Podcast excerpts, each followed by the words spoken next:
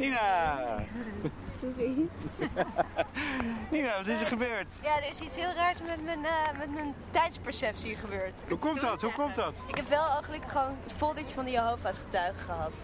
Ja, nou, dan zitten we goed, toch? zingeving gesproken. Ja.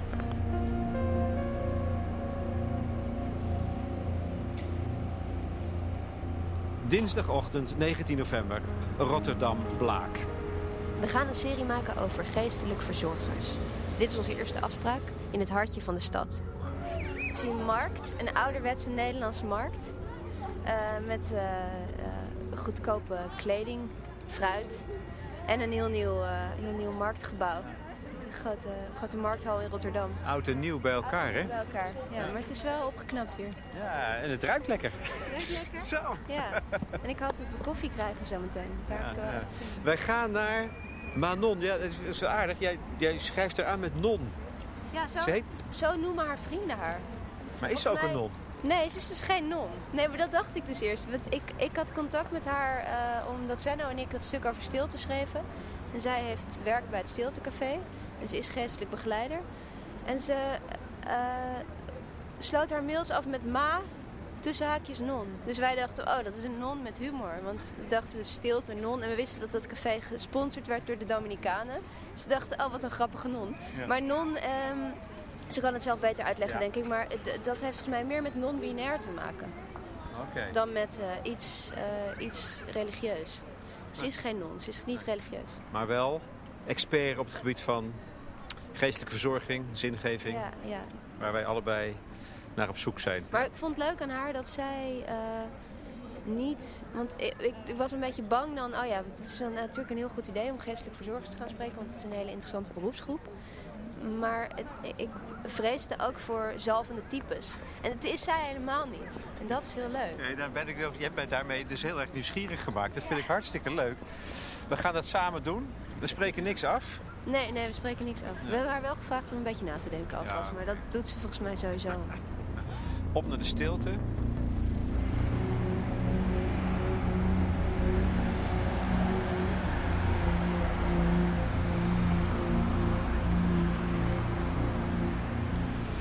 We trekken samen op omdat we constateren dat we veel gemeen hebben. Eh, verschillende raakvlakken. En dat komt steeds aan de orde als iets essentieels. In de stukken die Nina schrijft over de GGZ, En in de goede gesprekken die Lex voert. zingeving. Vandaar dat we geïnteresseerd zijn geraakt in een beroepsgroep die daarin gespecialiseerd is. De geestelijk verzorger. Geestelijk verzorgers die bieden begeleiding en advies bij de grote dingen die het leven het leven maken. Ziekte, dood, geboorte. En je hebt ze in allerlei soorten, van boeddhistisch tot protestants. En je komt ze bijvoorbeeld tegen op plekken waar de menselijke ervaring op scherp staat. Ziekenhuizen, gevangenissen, GGZ-instellingen, het leger. Ze zijn de professionals van de zingeving, om het zo maar te zeggen. Wat ik wel interessant vind. Nou ja, we zien wel hoe het loopt. Maar de vraag hoe iemand eh, troost biedt. Dat vind ik, een- vind ik een. eh, Nou ja, we hebben het gehad over de, de serie van Wim Keizer, van de schoonheid en de troost. Troost is een prachtig woord dat me ook wel prikkelt. Want staan we niet vaak met lege handen. Ja. En, en als zij dat gevoel niet heeft, als geestelijk verzorger, waar is het dan op gebaseerd? Een theorie of menselijkheid of een, een gebaar maken? Ik ben ook heel benieuwd. Ik ben ook benieuwd hoe je überhaupt geestelijk verzorger wordt. Hoe, dit, eh, hoe, hoe dat gaat. Hoe ze in het beroep gerold is. Ja. Want je hebt er een opleiding voor, toch? Ja, er staat een opleiding voor. Dus volgens mij wordt er zelfs veel onderzoek gedaan aan de, aan de Radboud Universiteit. Naar, dit, naar dit veld.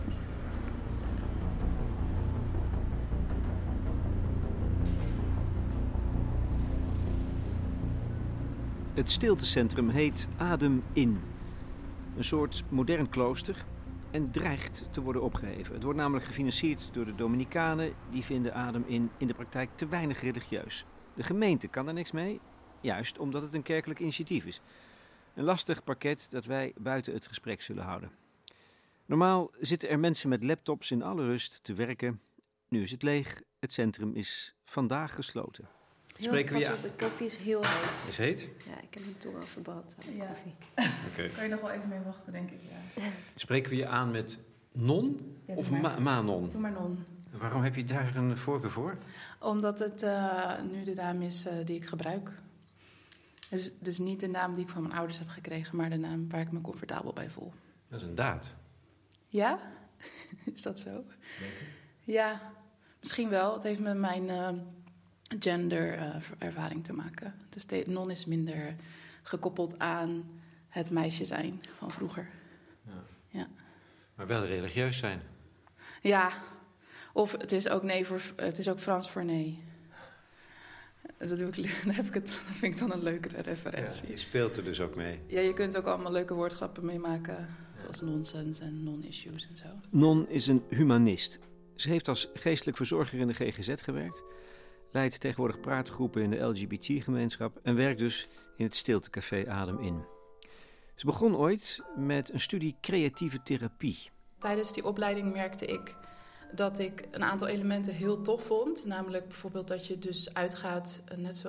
Nou ja, bij kunstzinnige therapie ga je, het werk je volgens de antroposofie... dus een hele holistische manier van kijken naar de mens. En wat ook uitgaat van het gezonde van de mens. Dus in plaats van dat je dus uh, gaat kijken naar... Hè, in welke, op welke manier ben je ziek en kunnen we je beter maken... kijk je naar wat is, jou, wat is nog steeds gezond in jou en wat zijn jouw levenskrachten... en hoe kunnen we die stimuleren. Die studie was toch niet in alle opzichten bevredigend. Ze houdt ervan om te praten bijvoorbeeld, te praten met mensen en kwam juist daar te weinig aan toe. Dus schakelde ze om. Maar hoe dan ook, het idee dat ze mensen kon helpen, dat zat er al vroeg in. Ja, ik vind het altijd een beetje vervelend als hulpverleners zeggen... Van, als je aan hulpverleners vraagt waarom doe je dit werk... en dat ze dan zeggen omdat ik mensen wil helpen. Omdat ik denk dat iedereen wel mensen wil helpen. Dat dat niet per se hulpverlener eigen is. Maar misschien is dat mijn, uh, mijn geloof in de mens. maar um, ik heb wel altijd al een hulpverlenersziel gehad. Ja, en dat is denk ik wel een beetje het verschil. Tussen mensen willen helpen en een hulpverlenersziel hebben. En wat is dat, een hulpverlenersziel? Um, het idee dat je. Um, dat is echt een hele goede vraag trouwens. Het gaat heel diep. het idee dat, je, dat, dat, ja, dat dat mijn. Ik laat ik het even bij mezelf houden dat mijn zingeving, dat mijn taak is om uh, voor mensen te zorgen. En dus mensen. Uh, en dus er uh, beschikbaar te zijn op die manier voor mensen. Dus echt op, op een bepaalde manier. Je neemt ruimte in op een andere manier. Je bent een soort van. Ehm, je stelt jezelf beschikbaar voor de zorg voor anderen. En um, ja, dat is niet per se iets ik vind dat het is niet per se een, een hele, alleen maar een, een, een warmhartige daad of zo. Het is ook een, een manier om jezelf te beschermen tegen de rest van de wereld. Herinner je wanneer je voor het eerst dacht, dat heb ik? Of wanneer je voor het eerst... ja, nou, um, dat is denk ik wel echt heel vroeg. Ik denk dat ik het me echt realiseerde was denk ik als ja, toen ik uh, ging reflecteren en in, en in therapie ging en zo. Maar ik denk dat ik daarvoor al wist, zeg maar, de, wat betreft de rol in mijn gezin bijvoorbeeld. En hoe ik met, vroeger met vriendjes en vriendinnetjes omging en zo. Wat voor rol had je dan? Um, mijn rol was een beetje de clown. Um, ervoor te zorgen dat het een beetje lucht, lichter werd, luchtiger werd. Want het was zwaar? Uh, ja, het kon soms wel zwaar zijn, ja. ja. Waarom? Mm, ja, nu zit ik met uh, een, hmm. een, bepaalde. Oké, hoeveel ga ik over mijn, uh, mijn ja. jeugd en mijn gezin vertellen? Grens. Nou, laten we zo zeggen. Um, um, binnen ons gezin waren er, waren er bepaalde rollen aan mensen toebedeeld. En die van mij was eigenlijk dat ik wel de normale was of zo. Dat, er, dat het wel goed kwam met mij, zeg maar. Dus dat ik het wel kon. Ik kon het wel dragen, het leven. En ja, dat is dus, dat is dus uiteindelijk de rol die van me verwacht werd en die, ben ik, ben ik, die ik ben gaan perfectioneren. Er zijn al een aantal dingen net gezegd door jou, waarvan ik denk, barmhartigheid, dat woord. Ja, ik denk dat omdat, het, omdat dat weer heel erg vaak opkomt bij als je het hebt over hulpverleners, zielen en zo. En zeker als het gaat om vrouwen. en ik, uh, ik ben uh, uh, geboren en toen zei men dat ik een meisje was. Dus ik heb geleerd om hoe eh, hoe, ik, hoe ik dat moest doen, hoe ik een meisje moest zijn en hoe ik dus moest ook moest. Dat is ook mijn rol als meisje altijd geweest. En ook vanuit de maatschappij wordt dat ook ehm, ehm, gestimuleerd van ehm, let op je omgeving en, en zorg dat iedereen het fijn heeft.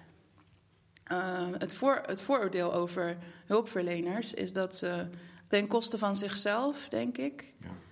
ja, dus dat ze heel veel voor een ander over hebben en dat dat per se een goede eigenschap is. En ik geloof niet per se dat een hulpverlenersziel nou maakt dat je een goed mens bent. Of een beter mens bent.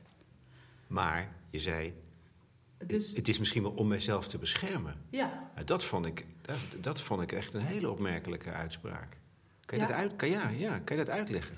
Ja, door uh, me beschikbaar te stellen aan de ander, gaat het niet over mij. En dus, uh, ja, dus het is een beschermingsmechanisme ook. Ik heb er ook mee geworsteld. Ik worstel er nog steeds mee. Want bij mij is mijn, uh, mijn uh, nou ja, zoals ik al zei, mijn bescherming is uh, dat het niet over mij gaat, maar over an de ander, me beschikbaar stellen aan de ander. En dat maakt dat ik op moet letten dat ik dus niet verdwijn. En daar heb ik zo mijn verschillende manieren voor gevonden. Namelijk? ja, me uitspreken, denk ik, voor uh, bijvoorbeeld uh, de groepen mensen waar ik bij hoor. Hè, waar ik zelf, ik hoor zelf bij, bijvoorbeeld bij de, bij de queer community, bij de trans community. Maar ook me uitspreken voor de mensen waar ik mee werk. Die het soms niet zelf kunnen. Non is dus hulpverlener en activist. En dat lijkt een lastige combinatie. Beide activiteiten zijn behoorlijk moeilijk met elkaar te combineren. Als activist houd je je bezig met het belang van de groep. Als hulpverlener met het individuele. Is, is dat het? Er wordt ook een zekere neutraliteit verwacht van een geestelijk verzorger. Ja, ik geloof daar niet in, in die neutraliteit. Um, en daarin ben ik wel een uh, andere geestelijk verzorger dan heel veel, uh, andere, dan heel veel collega's.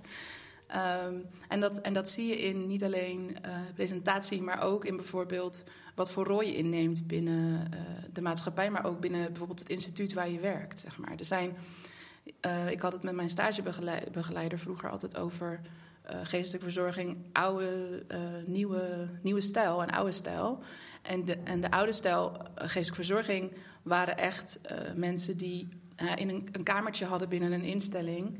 Uh, waar mensen dan konden aankloppen met hun zingevingsvragen. Ja. Maar eh, niemand, maar die verder daar bleven ook, zeg maar. Of ze waren dan soms een beetje present op de, op de afdelingen onder de, bijvoorbeeld de cliënten of de patiënten, wat, waar ze dan ook mee werkten. Maar het waren niet hele zichtbare uh, mensen in een instelling. Terwijl uh, wat in mijn inziens nodig is, is dat, is dat geestelijke verzorgers zich gaan, gaan laten zien en gaan profileren en gaan bemoeien met de ethiek van een instelling zelf. Want ik vind het niet mogelijk om um, neutraal te blijven daarin. En, uh, en dat, is heel, dat is iets nieuws, tenminste redelijk nieuw. Ik denk dat, je daar nu wel, dat, je, dat er nu nog een beetje verdeeldheid is tussen geestelijke verzorgers. Um, maar ik denk zeker binnen de humanistisch geestelijke verzorgers uh, zijn er wel al veel uh, die, al, die het wel met me eens zullen zijn. Ja, maar je zegt, dat vond ik uh, prikkelend, hè? Dat, je, dat je vindt dat je als geestelijk verzorger moet bezighouden met de ethiek van de organisatie waarbinnen je werkt. Ja. Dat vind ik razend interessant. Nou, het heeft denk ik wel heel erg met stijl te maken. Maar wat ik bijvoorbeeld heel erg tof vond aan het werken binnen de GGZ was ook de uh, ethiekbijeenkomst of moreel beraad wordt het ook wel eens genoemd, uh, met de medewerkers. Uh, dus met hulpverleners in een, in ja. een instelling. En dus dan heb ik het niet over de managementlaag. Daar ben ik bij vandaan gebleven. Maar wel ja, de mensen op de vloer. En die, die krijgen elke dag, meestal meerdere malen te maken met best wel ingewikkelde ethische dilemma's.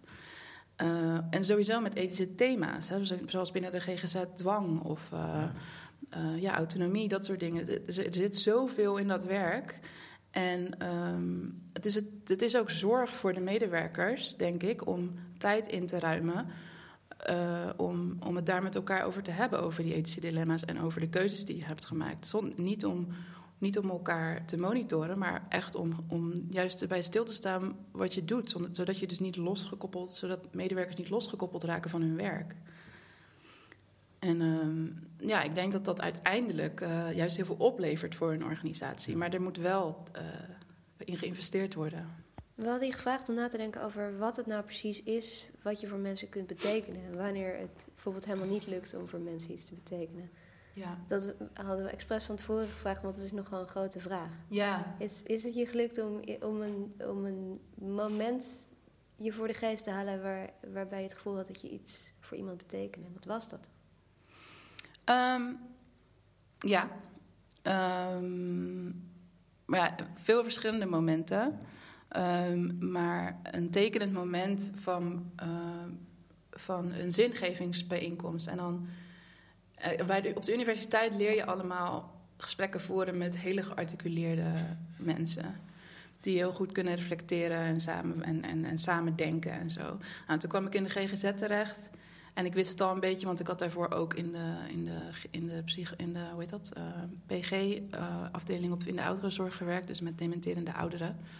Nou, daar kon ik ook niet zo goed uh, mee reflecteren. Dus, dus ik, ik wist al van, nou, soms moet je gewoon andere manieren bedenken. En dan moet je het uit, andere dingen halen. Uh, wat, jij, wat ik dan zingeving zou noemen. Ja, dat, moet, dat, dat woord dat kan ik niet gebruiken, bijvoorbeeld. Um, maar um, tijdens een zingevingsbijeenkomst op verschillende afdelingen in, in de GGZ bijvoorbeeld, um, moet je eigenlijk als geestelijk verzorger je hele, je hele waardekader van wat is een goed gesprek gewoon wegdoen. En helemaal opnieuw beginnen en kijken van oké, maar wat, wat kan ik hier inderdaad betekenen? En wat ik heel tof vond, is als er dus momenten ontstaan waarbij uh, cliënten elkaar uh, bevestigen. Dus contact maken met elkaar. Bijvoorbeeld als er dan een vraag wordt gesteld. Bij zingevingsgroepen stel je dan bijvoorbeeld een vraag over hoop of zo. Wat geeft je hoop? En dan op, bij die groep die ik toen had, legde ik allemaal woorden neer. Uh, die dat zouden kunnen zijn. Dus muziek of bewegen of God of nou ja, allemaal verschillende dingen, familie. Omdat ik wist dat die vraag te abstract zou zijn als ik het zo zou stellen. Dus ze mochten dan een woord kiezen en daarna dan vertellen waarom ze dat woord hadden gekozen. En op zo'n moment heb je dus een groepgesprek met mensen die ja, niet hebben geleerd om met elkaar zo'n gesprek te voeren. Dus ja, als, als één iemand dan zit te vertellen van... Um, ja, ik, ik, voor mij is, is uh, is, is hoop. Um, ja, dat ik vorige week, uh, dat ik vorige week bijvoorbeeld een in een psychose zat en dat ik dacht dat ik Jezus was en dat ik een heel volk achter me had staan. En dat was voor mij heel, heel hoopgevend, want er waren ineens allemaal mensen die allemaal steun voor me hadden. En uh, ja, dat, is niet iets wat je aanziet komen, zeg maar. En, en, dat is ook niet iets wat je bij humanistiek eh, leert. Zo van, oh, nou ja, als je dan zo, dus zo'n antwoord krijgt, dat, dat, dat ligt voor de hand of zo. Dus, en, maar bij elkaar herkenden, ze wel, deze mensen wel, hun, dat verhaal en bevestigen dat bij elkaar. En, en dan heb je dus contact, verbinding. Het is altijd zo, ik, nu zit ik er ook zo over te praten en dan, en dan denk ik, dan ben je zo aan het, over aan het praten en dan klinkt het zo... Uh, I don't know. Het, het, het klinkt gewoon nooit hetzelfde. Ik kan nooit zeggen in woorden wat, het nou, wat er nou echt gebeurt op zo'n moment. Maar ik voel het echt gewoon, zeg maar, dat er gewoon beweging is gekomen in de situatie. Je ziet het aan mensen hun gezicht? Ja, je ziet het aan eh, hoe ze erbij zitten.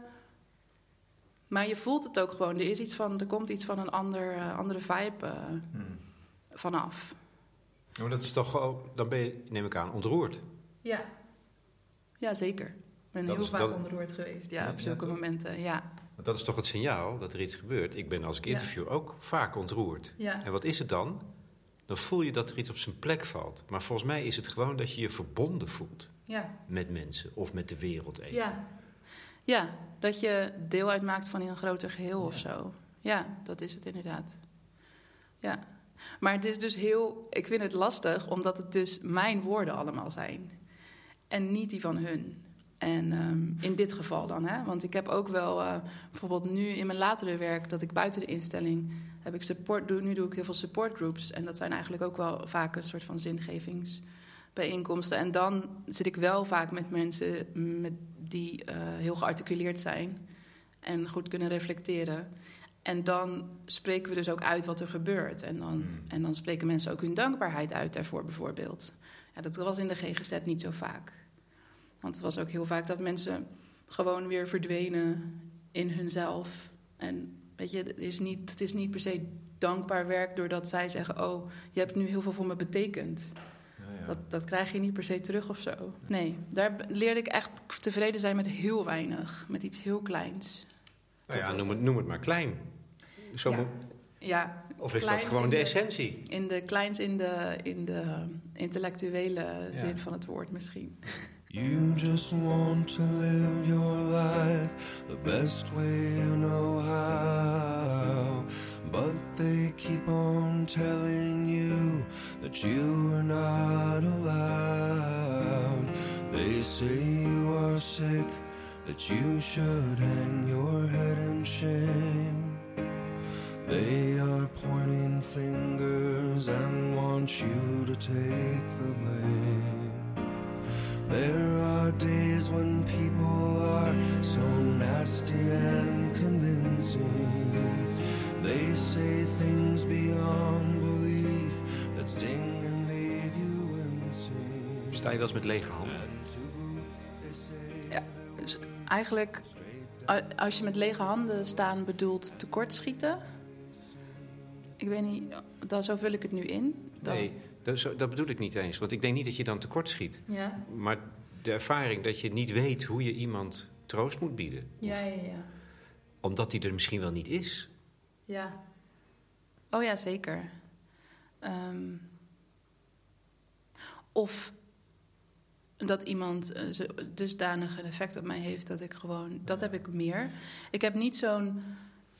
eh, ik heb niet zo'n eh, moeite met ehm, het idee dat ik iets heel erg moet bieden. Dus als iemand echt iets heel, heel zwaars heeft meegemaakt of heel erg depressief is, dus dat, dat eigenlijk niks helpt, dan kan ik wel er gewoon bij zijn, zeg maar.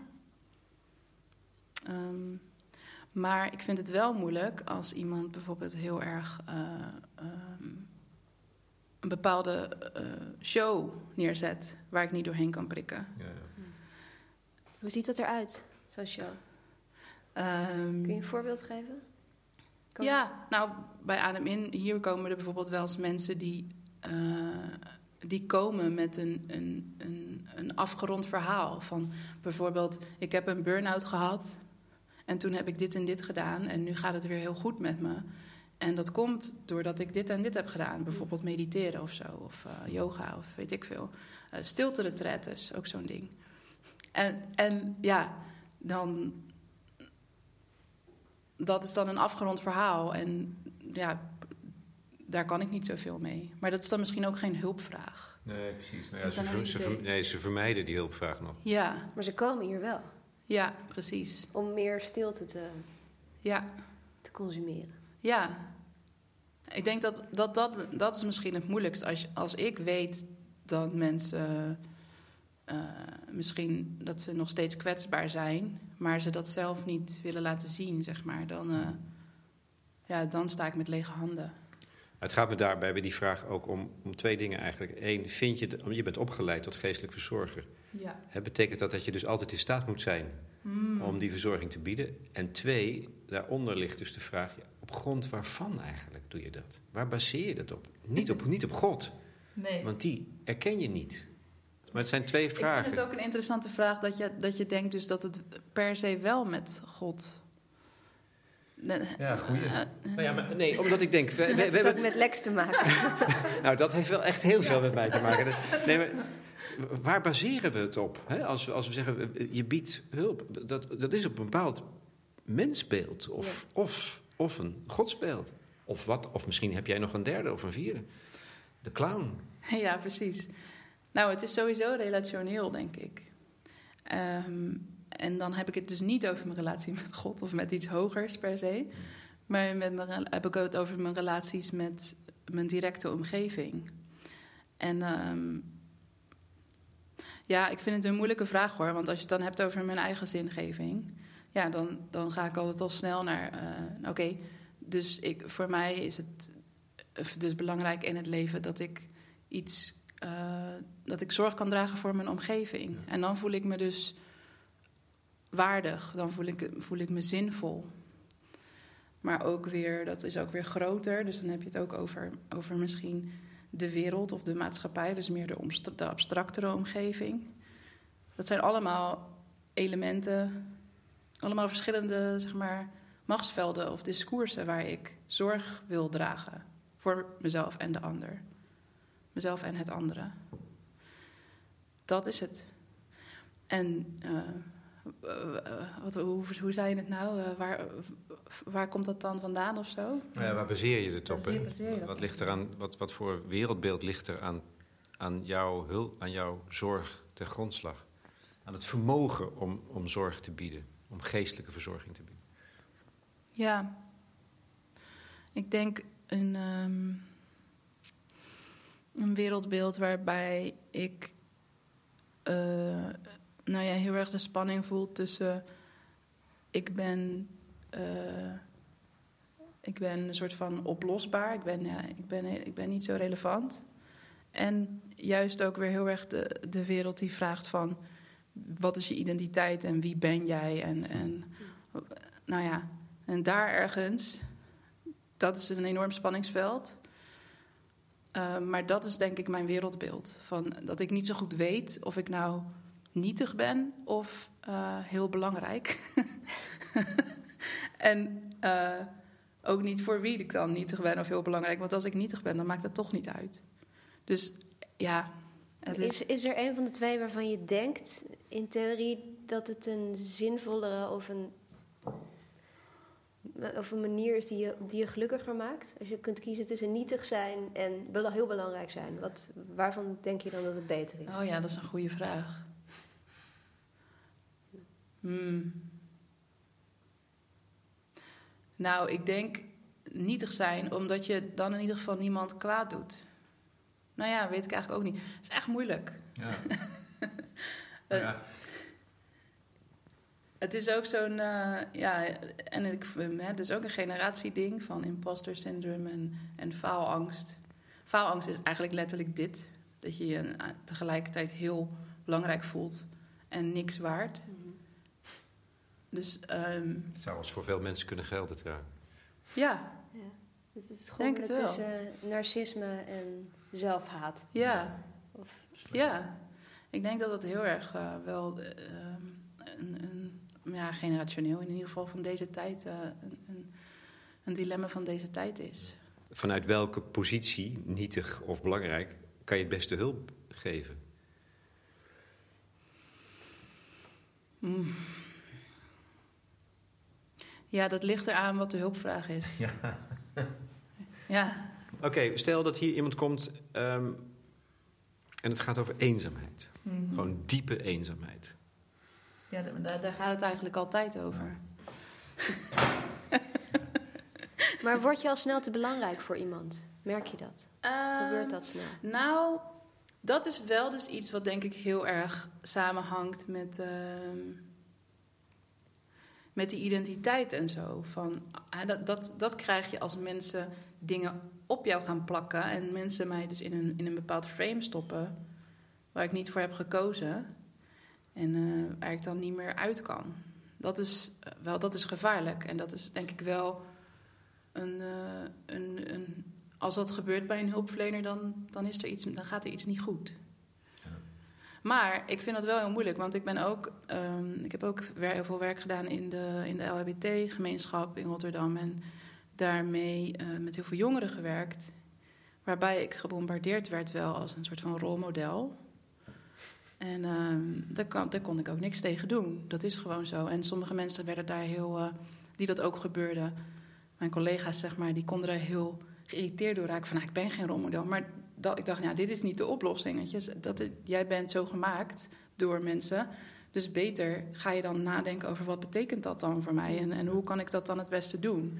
Het ontkennen heeft volgens mij geen zin. Want het is gewoon zo. Je had wel weer dezelfde rol als in je gezin. Ja. ja, klopt.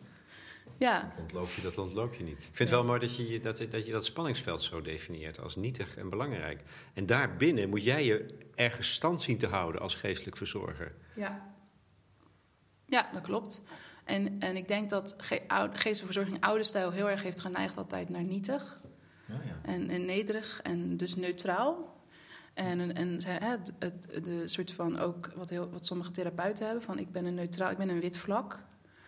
En ik eh, heb me daar altijd tegen verzet. Want ik, ik vind dat eh, als ik in het ziekenhuis lig en er komt een geest, geestelijk verzorger aan mijn bed met de zogenaamde neutrale looks, dan kan ik daar niks mee.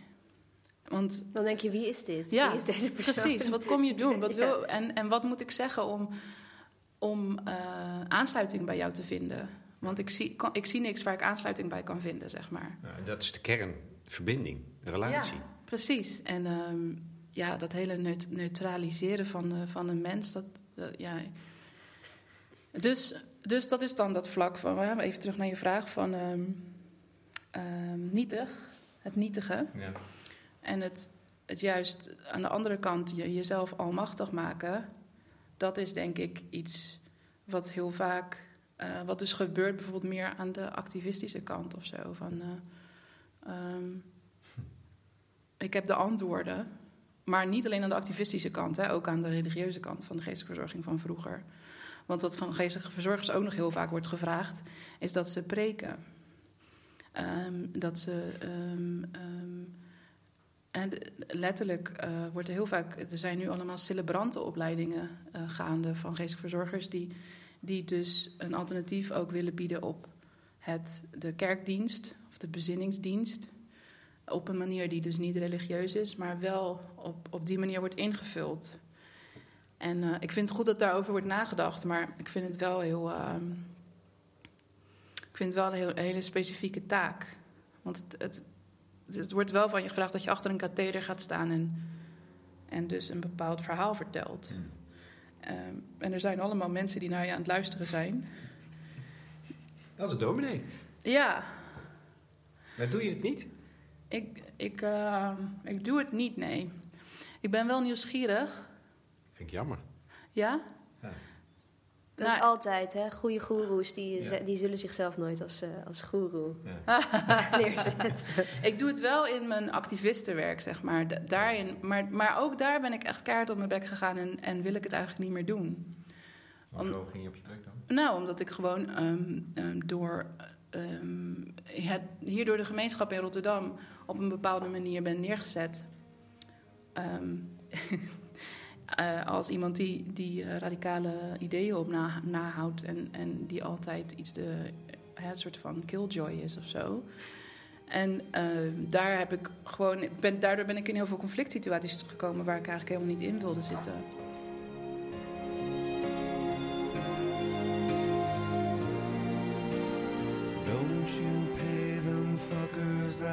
They say, no, never mind. They don't give two shits about you. It's the blind leading the blind. What they want is commonly referred to as theocracy. And what that boils down to is referred to as hypocrisy. Het is een spanningsveld in het leven van Non dat steeds terugkomt. De twee zielen in één borst van de hulpverlener en de activist. Het is het verschil tussen geestelijk verzorgen oude stijl en nieuwe stijl. Tussen luisteren en preken. Non van Driel heeft zelf een uitgesproken visie op de samenleving, maar die houdt ze nu in dit gesprek voor zich. Met het uitdragen van haar boodschap is ze namelijk een stuk voorzichtiger geworden. Inderdaad, eh, op het moment dat ik, me, dat ik hier eerlijk antwoord op geef, dan zijn er dus met- meteen mensen die me geen kans meer geven. En die niet meer luisteren. Nou, dat schetst het dilemma. Dat is wel erg, hè? Ik, ik, vind, het ook, ik, ik, ik vind het ook heel erg. En ik vind het ook ehm, daarom juist belangrijk, want ja, jullie gaan met geestelijke verzorgers praten. En ik zou zo graag willen dat die groep mensen wat meer peper in hun kont krijgt. En, Meer een rol nemen in de maatschappij. ja, Niet alleen maar op, hè, eh, die, die, nietig luisteren naar mensen Ja. die hulp nodig hebben. Maar, en wat, wat, wat, eh, daar kan je wel iets over zeggen, denk ik. Hè? Wat je vindt dat die rol zou moeten zijn in de samenleving van de geestelijk verzorger. Ja, ik denk dat ook in gesprek, in de meest subtiele momenten in een gesprek, kan je dat verschil maken. En op het moment dat je tegenover een, uh, een, een, een ander mens zit, dan zijn er voortdurend keuzemomenten. Dus je kunt voortdurend kiezen om iemand uh, welke kant je opgaat in een gesprek, zeg maar. En ik heb dus geleerd ook in de GGZ bijvoorbeeld tijdens mijn stage van mijn stagebegeleider, die heel veel uh, gesprekken had bijvoorbeeld met vrouwen die daar waren opgenomen. En die uh, heel veel ruimte gaf aan hun vrouw zijn daar op de afdeling en wat dat met zich meebracht. En uh, die vrouwen die bij haar kwamen, die, op sommige momenten waren ze die zich daarvan bewust en op andere momenten weer wat minder. Maar ik weet zeker dat als op het moment dat daar iemand had gezeten die neutraal probeerde te zijn, dat dat element in het gesprek dus niet zoveel ruimte had gekregen. Dus dat, het, dat je al gauw mensen aanstuurt om het systeem te pleasen, bijvoorbeeld. En om bijvoorbeeld niet voor zichzelf op te komen. En geestverzorgers kunnen mensen wel voor zichzelf op laten komen. Ja. Want ik zit op een GGZ-afdeling. Ik moet deze behandeling doorstaan. Er zijn allemaal mensen die de macht over mij hebben. Maar als ik naar de wc wil, bijvoorbeeld, ik zeg maar iets uh, banaals. Als ik naar de wc wil, dan is die altijd super smerig. En de, en de bril staat omhoog en er ligt overal pis. Moet ik, dat nou, moet ik dat nou ook accepteren of kan ik misschien daar wel verzetten, bijvoorbeeld? En, en dat zijn allemaal van die kleine dingetjes, kleine daden van verzet of zo, die, die mensen wel mens houden. En uh, ook als je mensen uh, in gesprek aanstuurt naar hun individualiteit en hun eigenheid en, naar wat zij mooi vinden, bijvoorbeeld. Dat is ook iets wat, ja, wat misschien in de, in de jaren 70, 80 empowerment genoemd werd. En, en die, daarin hebben geestelijke verzorgers dus een hele belangrijke rol. In, in, in het gesprek juist mensen bewust maken van de macht die ze wel nog hebben binnen het systeem waar ze in zitten.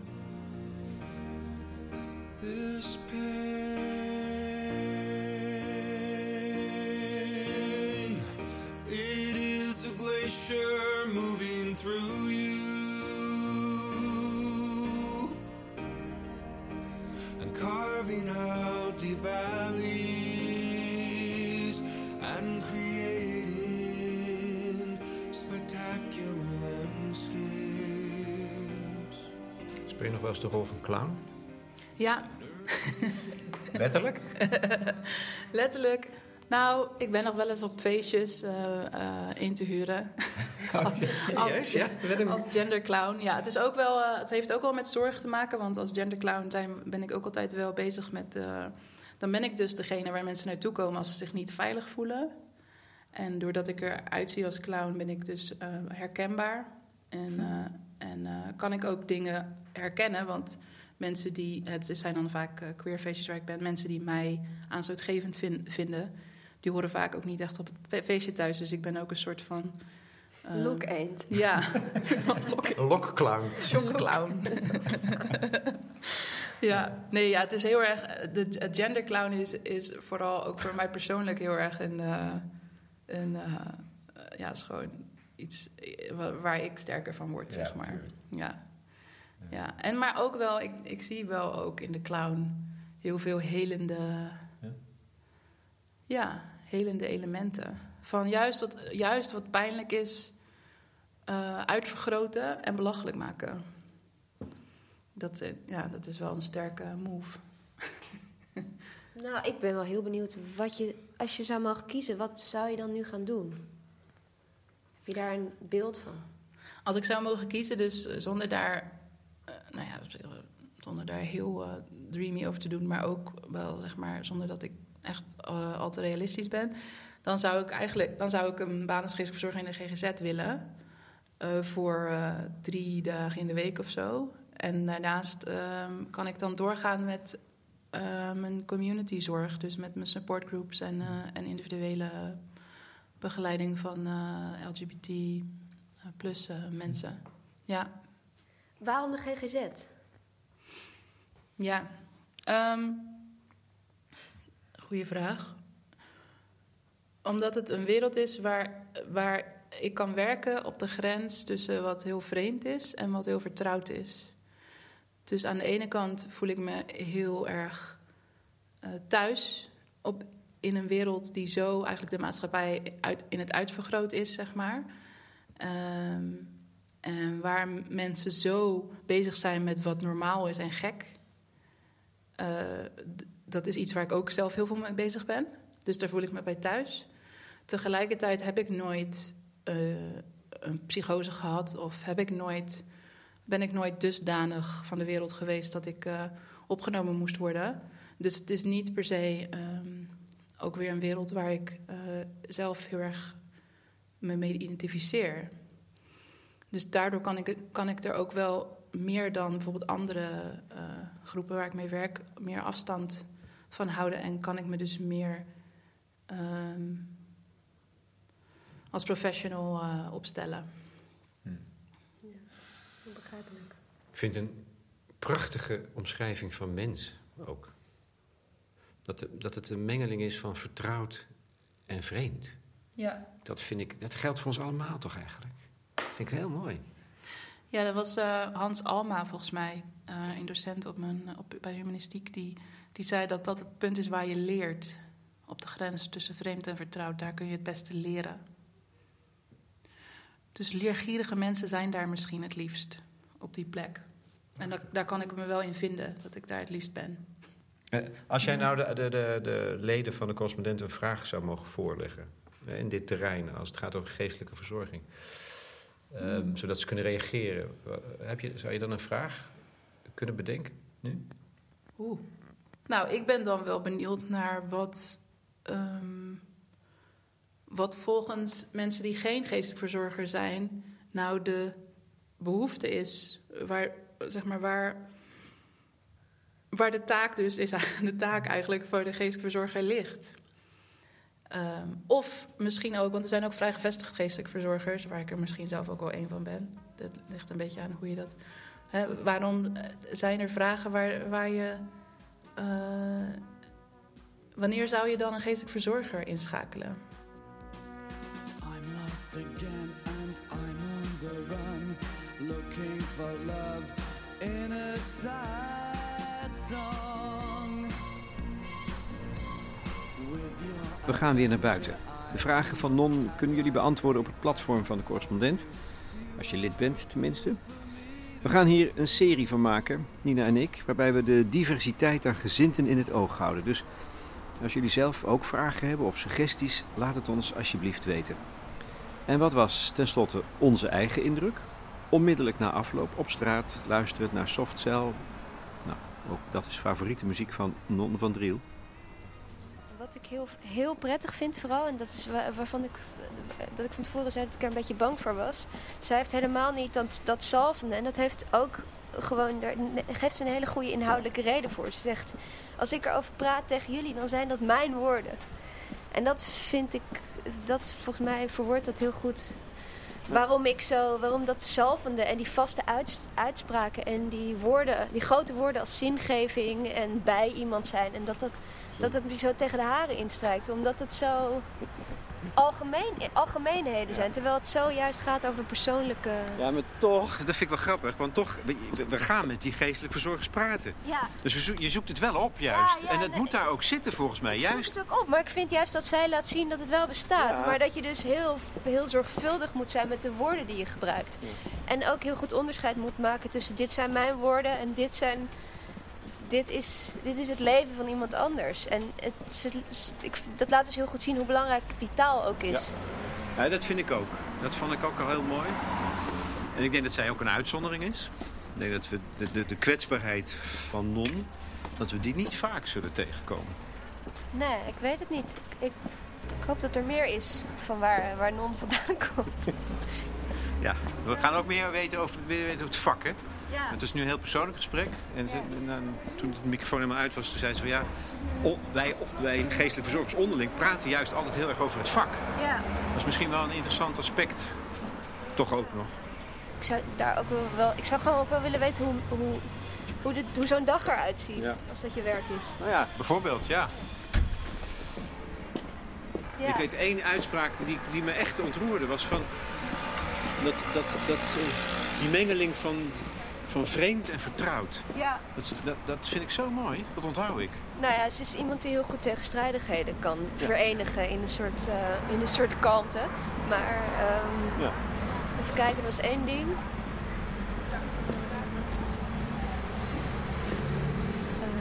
Eh, ja, dat, dat, de- dit soort van trekspel tussen het individu en identiteit en, en eh, bescheidenheid en nietigheid. Ja.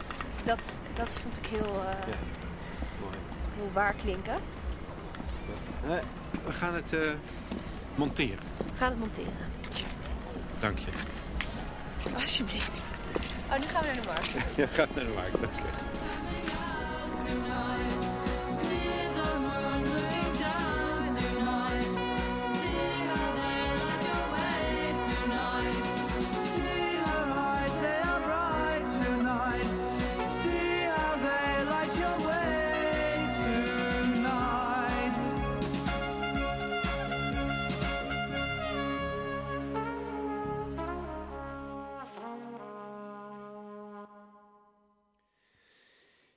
Geluisterd naar Non van Driel, humanistisch raadgever, in gesprek met Nina Polak en Lex Bolmeijer. Dit was de eerste aflevering van onze serie De Zingevers. Zeven gesprekken met geestelijk verzorgers. De volgende zal zijn met Remco Graat. Hij is van huis uit katholiek en werkt op een grote GGZ-instelling in Wolfhezen, pro persona. Dat is nummer twee.